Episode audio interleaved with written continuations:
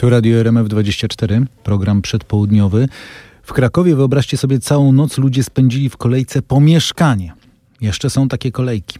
A dlaczego? Dlatego, że dzisiaj ruszyło składanie wniosków do kolejnej już edycji programu Mieszkanie za remont. Po przyznaniu maksymalnej liczby punktów obowiązuje zasada kto pierwszy, ten lepszy. No i stąd te kolejki. O samym programie teraz i o tym, czy to dobre rozwiązanie i jak to, jak tu sprawić, żebyśmy mieli gdzie mieszkać. O tym teraz porozmawiam z wiceministrem rozwoju i technologii, e, panem Krzysztofem Kukuckim. Dzień dobry, dzień dobry panie ministrze.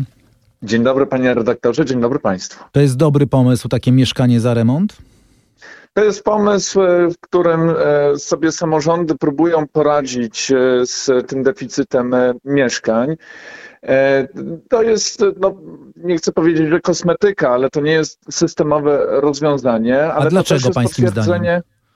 No bo skala jest e, dużo mniejsza niż e, powinna być, ale to jest też właśnie potwierdzenie, że mm, to, co mówi lewica, to nie jest wymysł, że Polacy potrzebują mieszkań, tylko to są, ta kolejka dzisiejsza w Krakowie jest namacalnym dowodem na to, że naprawdę w Polsce tych mieszkań brakuje. Według różnych badań e, w tak zwanej luce czynszowej jest od 35 do 40% Polek i Polaków. Co to oznacza luka czynszowa? To oznacza, że aż e, między 35 a 40% Polaków albo nie stać na zakup własnego mieszkania, albo są za bogaci na przykład na mieszkanie socjalne.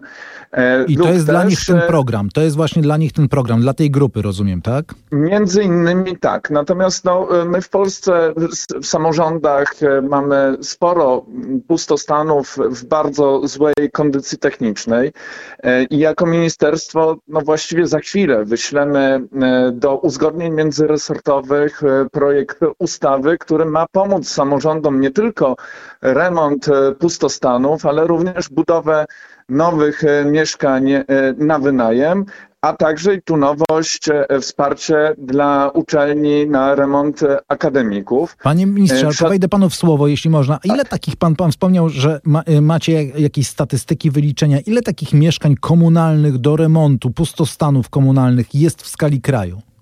W skali kraju e, mamy e, około półtora miliona pustostanów, ale to nie oznacza, że one są wszystkie do remontu, bo akurat Kraków e, jest przykładem miasta, w którym pustostany są w też świetnej kondycji technicznej, bo są po prostu wykorzystywane jako lokata kapitału, więc w tej, w tej statystyce również takie mieszkania się znajdują. Natomiast naprawdę wiele samorządów ja osobiście znam, które no, chcą tą swoją substancję mieszkaniową, która jest niezamieszkała, niestety z, z uwagi na warunki techniczne, wzmacniać, poprawiać i tutaj służymy pomocą.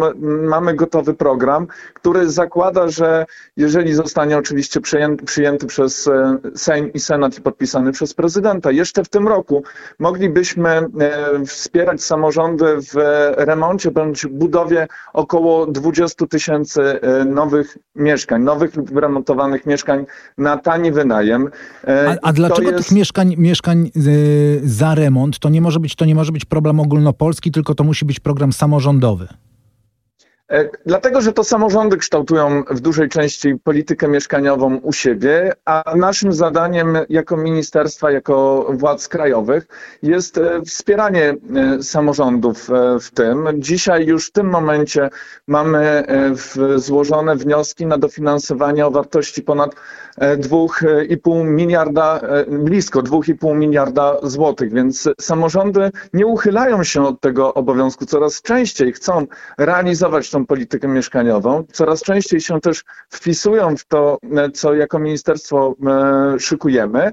E, no, naszym zadaniem jest tylko albo aż wyposażyć samorządy w odpowiednie środki, a powiem jako wieloletni samorządowiec też, że e, samorządy naprawdę są specjalistami od dobrych, od realizacji dobrych inwestycji, więc myślę, że to jest dobry scenariusz. Natomiast na przyszły rok w tak zwanej dużej nowelizacji też szykujemy rozwiązania, które uwolnią potencjał TBS-ów i spółdzielni mieszkaniowych, ale myślę, że aż tyle czasu, żeby to wszystko omówić na antenie nie mamy.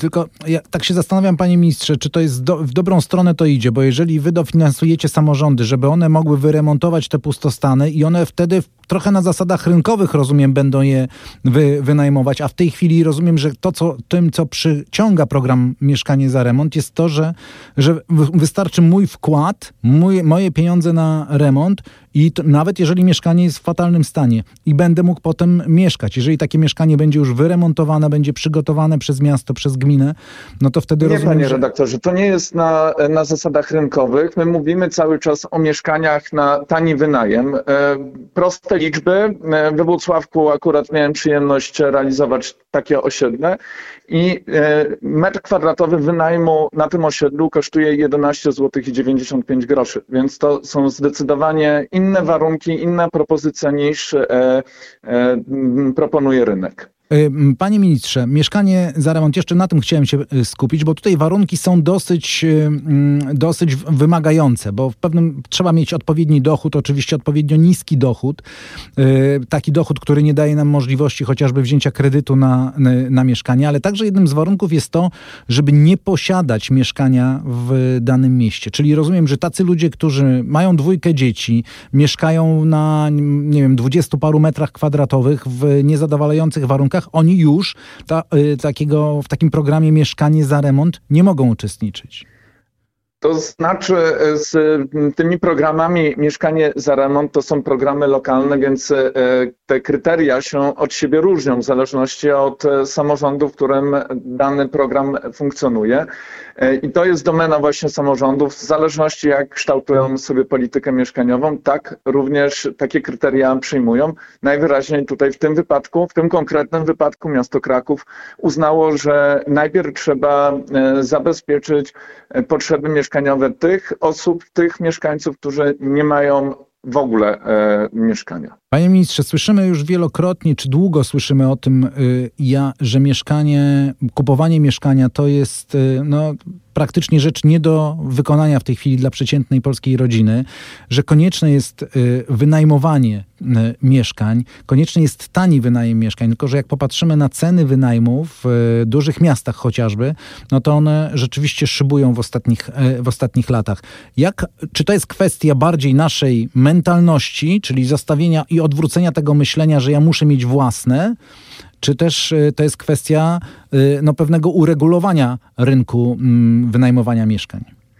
Zacznę od tego, co robimy w ministerstwie i myślę, że to jest ten kierunek, e, to właśnie o tej ustawie, o której mówiłem. Ona ma tak. zmienić tą sytuację, bo wyobraźmy sobie, tak jak powiedziałem, że e, no, ta ustawa zostanie przyjęta i faktycznie podpiszemy umowę e, na dofinansowanie budowy bądź remontu 20 tysięcy mieszkań jeszcze w tym roku. To jest mniej więcej 10% wszystkich mieszkań, które powstają w naszym kraju. Mieszkań, budynków mieszkalnych, czyli też domków jednorodzinnych rodzinnych. E, gdybyśmy utrzymali, a tak zakładamy też w tej ustawie, to finansowanie co najmniej do 2030 roku e, i ono jeszcze będzie się zwiększać z roku na rok, no to spokojnie jeszcze w tej kadencji podpiszemy e, umowę na dofinansowanie 100 tysięcy mieszkań. To już będzie odczuwalne dla Polek i Polaków wsparcie właśnie w tej sytuacji, kiedy nie mogą kupić mieszkania, bo nie mają zdolności kredytowej, ale też e, wynajem na rynku komercyjnym jest e, bardzo, bardzo drogi i e, no, drenuje ich portfele. A ile to będzie kosztowało? Jest... Mhm. Naszym zadaniem jest doprowadzenie do sytuacji takiej, kiedy wynajęcie mieszkania no nie będzie przeważającym wydatkiem w budżecie rodzinnym w całym miesiącu. To może pan powiedzieć, jaka to będzie cena? Czy to będzie zapisane w ustawie, jaka to będzie cena? Czy to będzie jakiś procent od dochodów? Jak to będzie wyglądało? Znaczy, ten czynsz jest uzależniony od wartości odtworzeniowej i od rodzaju też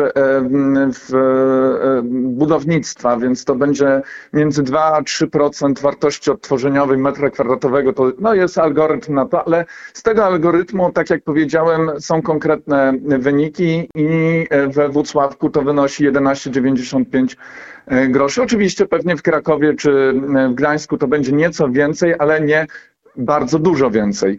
Więc e, e, tak jak powiedziałem, no to jest e, ten kierunek i też odpowiadając trochę na pytanie zadane przez pana redaktora, no, my jesteśmy jako naród przyzwyczajeni czy przywiązani do własności, bo de facto w, przez ostatnie 30 lat nie mieliśmy wyboru.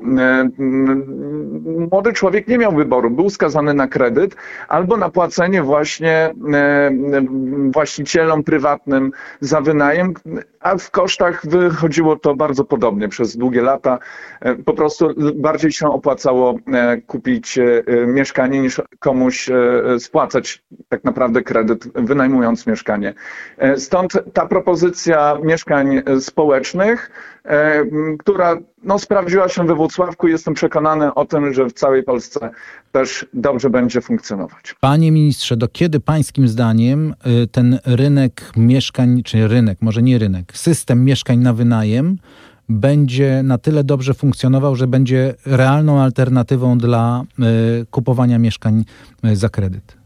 E, zakładając oczywiście, że ten projekt ustawy zostanie przyjęty w takim kształcie, jaki e, wysyłamy, e, odczuwalna różnica myślę, że będzie pod koniec tej kadencji, a tak taki komfortowa sytuacja w okolicach 2030 roku. Bardzo dziękujemy za te informacje. Wiceminister Krzysztof Kukucki, wiceminister rozwoju i technologii odpowiedzialny za budownictwo w polskim rządzie, był gościem radia RMF24. Dziękujemy bardzo, panie ministrze. Dziękuję, panie redaktorze, dziękuję państwu.